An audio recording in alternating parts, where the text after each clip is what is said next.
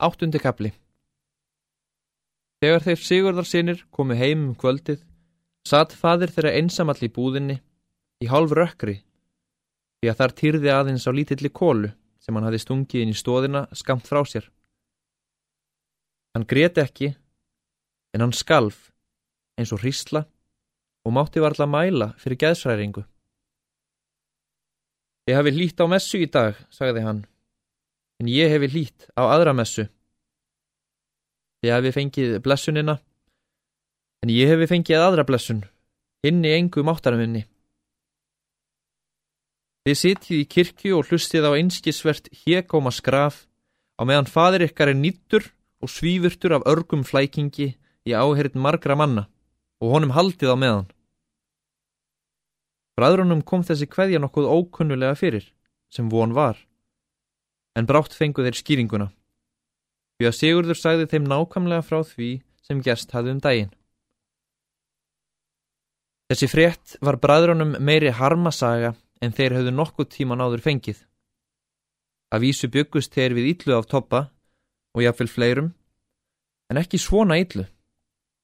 Hvað var það þótt toppi hefði sett saman um þá einhvern leirburð og gengið með hann milli búðana hjá þessu?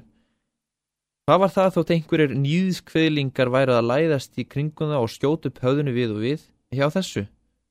Öður þeirra var gerð opinber svívirðing í margra manna áhörn og vel undirbúin. Gremja þeirra snýrist ekki svo mjög á toppa, því að hann hefði þó átt dáli til þess að hefna. Hún var miklu beiskari í garð þeirra raunbótarfeðga, sem haldið höfðu föður þeirra undir þessari nýðskýrn og sömulegis í þeirra garð sem höfðu sapnast þar saman til að auka á skapurinn hans með hlátrum og rópi. Árna gekk þetta svo nærri að hann fór að gráta.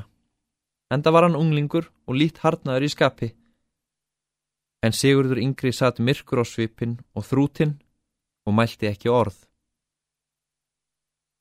Eftir að Sigurður hafði lokið sögu sinni, leið nokkur stund svo að enginn þeirra mátti mæla. Sigurður eldri tók þá kistillítinn sem stóð hjá kvílu hans, opnaði hann og tók upp úr honum hárauða skotthúfu. Ég vitið ekki hvað ég hef haft stað í dag, síðan þetta barti tíðindamælti hann. Ég hefi búið mér til þessa skotthúfu úr gamlu skirtunni minni. Hvað ætlar að gera með þetta, fadur minn? spurði Árni kjökrandi. Hafa það á höfðinu. Þetta? Ætlar að gera sjálfan þig að atlægi. Það er ég þegar orðin og verð það ekki meira, þó ég gangi með þessa rauðu sköplu.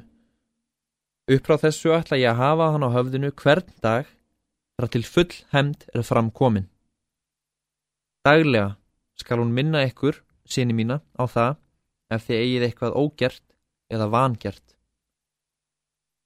Þá skalti ekki þurfa að bera hana lengi, fadur minn, mælti Sigurður yngri og stóð á fætur. Hvert ætlarðu? Finna þá hraunbótarfeðga. Ó nei, ekki í kvöld. Hemdini mun svo best í verk komið að ég fá að ráða. Fljótfærni stóðar hér ekki. Ég hefi hugsað ofur lítið um þetta, en þið ekkert.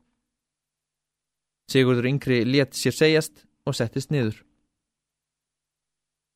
Nokkra stund sátu þeir allir þegjandi. Þá mælti Sigurður gamli. Mundu þið treysta ykkur til að þekkja þessa húfu utan af sjó, ef þið værið ekki mjög langt frá landi? Bræðurnir játtu því báðir, en störðu spyrjandi á föðusinn. Gott og vel, mælti Sigurður gamli. Þá sjáum við hvað setur. Öksna keldu toppi er nú undir vend þeirra hraunbótarfeðga og líklega hafa þeir tekið að sér ábyrð á lífi hans og limum þar til hann kæmist til næstu mannabegða. Þeir myndi því þykja lakar en ekki ef í hann næðist áður. Ég býst nú við að ekki verði hann látin fara hérðan fyldar laus ef þið eru í landi og kannski ekki hvort sem er. En verið gæti að húfan mín gæti sínt ykkur úr landi hvort hann fer inn með sjónum eða út með honum. Hvort hann er einn eða maður með honum. Til dæmis ef ég róla inn með sjónum og kvíli með einu sinni er maður með honum en ef ég kvíli með aldrei meðan þið sjáu til mín Er hann einsamall? Mundið þið skilja þetta? Ræðurnur hvaði já við því. Gott og vel. þá látum við þetta liggja okkar í milliða sinni og látum á engu bera. Ef til vill náum við þá setna í þá raunbótarfeðga, þótt sterkir séu og getum auðmygt þá ofurlítið. Svo væri ekki úr vegi að þakka honum Ólafi mínum örnólsinni ofurlítið fyrir búðarlánið. Það megiði gera undir eins ef þið skildu þurfa að hafa úr ykkur mesta glímurhollin.